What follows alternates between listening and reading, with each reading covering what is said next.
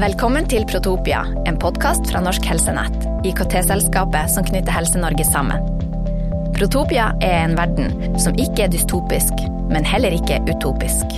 En protopisk verden er et samfunn i utvikling, hvor vi løser utfordringene stegvis.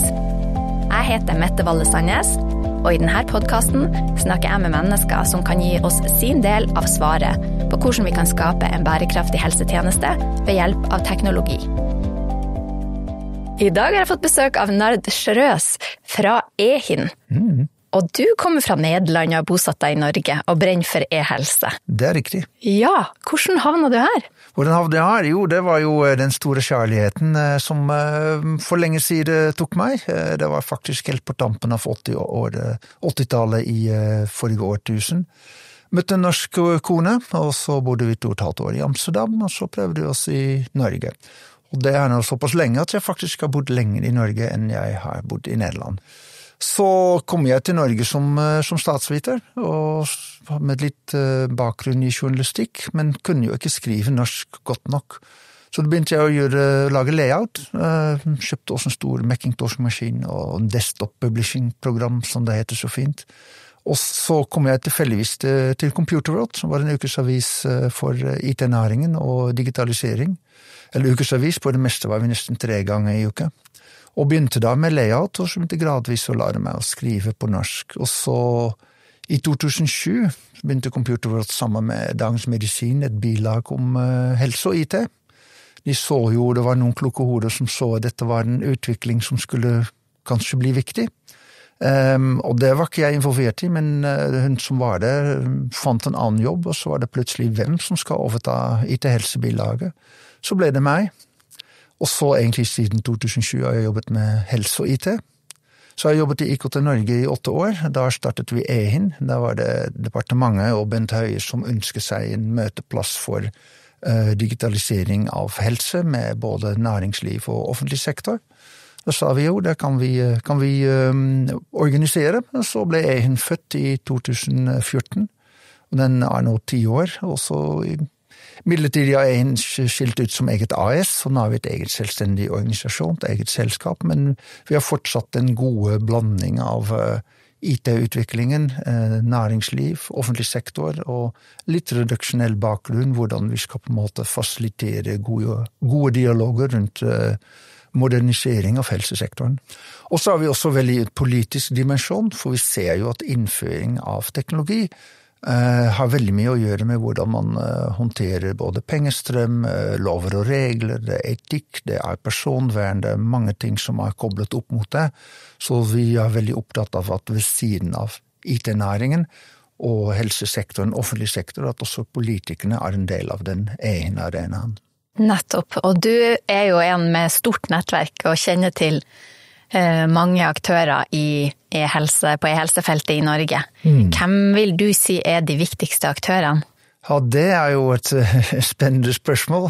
Eh, vi har jo, eh, og det endrer seg, for vi har jo akkurat sett at Direktoratet for e-helse nå har blitt fordelt opp i Folkehelseinstituttet og Helsedirektoratet.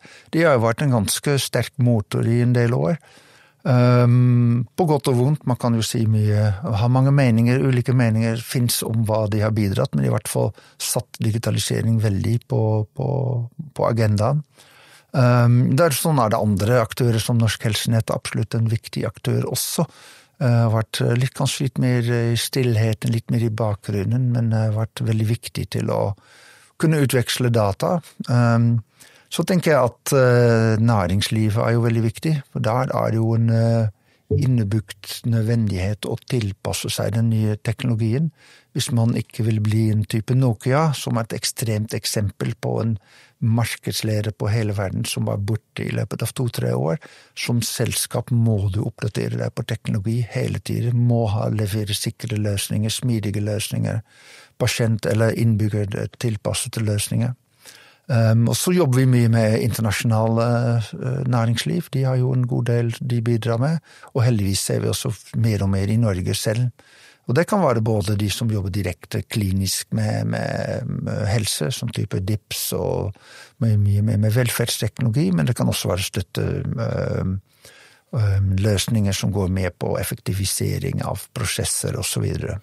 Jeg har vært tre ganger på EHIN-konferansen, og der er det ofte snakk om både utfordringer og mm. muligheter. Mm.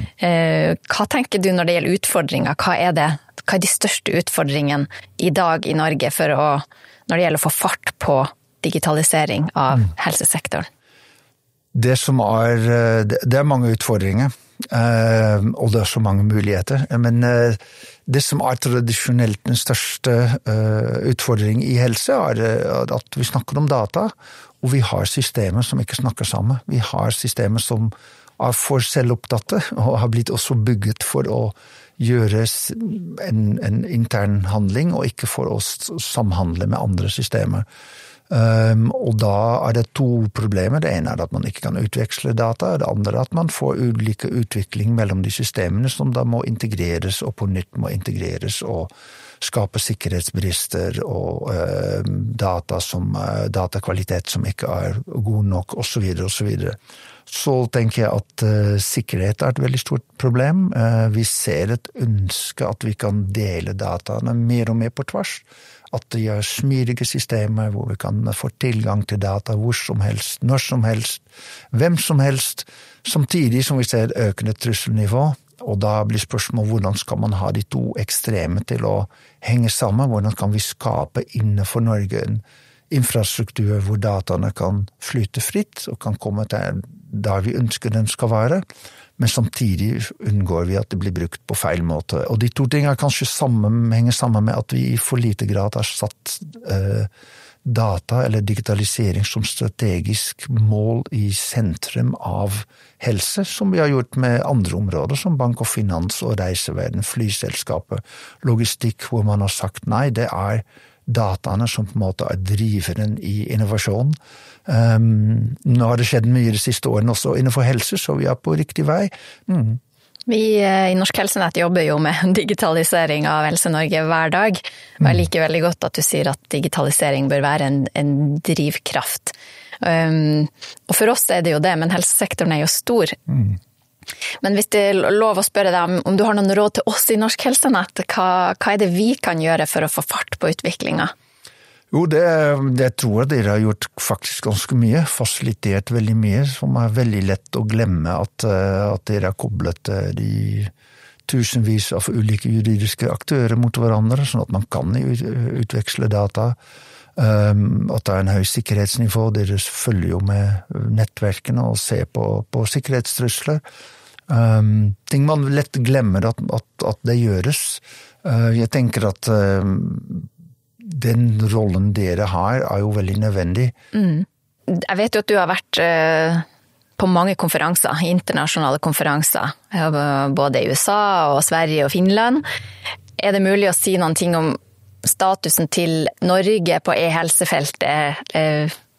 Hvordan ligger vi an sammenlignet med andre land? Det er mange som alltid spør om hvor er vi som, som, land. Eh, det er jo i grunnen ikke så veldig viktig, men det er viktig å se hva vi eventuelt kan lære av andre land, og hva andre land kan lære av oss. Og det tenker jeg at hvis vi ser så, hvis det er ti år tilbake, så tror jeg at Norge var eh, kanskje hang litt etter en del av de andre landene. og eh, var forsiktig med den digitaliseringen og veldig ja, sakte innovasjon.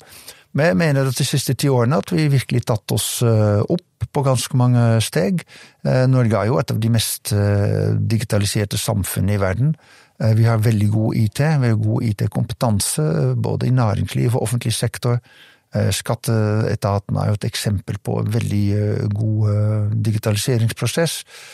Mange andre områder også er helt utrolig hvor, hvor fint vi er digitalisert, og det kjenner man også når folk kommer til Norge og begynner å bruke tjenester og sier wow, at dette her er mulig, er utrolig. Og så har vi kommet med, med helse etter, og begynner å få ganske gode tjenester, som type Kjernejournal, e-resept og helsenorge.no er gode nasjonale tjenester. Så ser man veldig mye også på, på lokalt nivå. Eh, sykehus som tar i bruk AI. Mange kommuner som gjør mye spennende lokasjonsteknologier for folk med, med demens.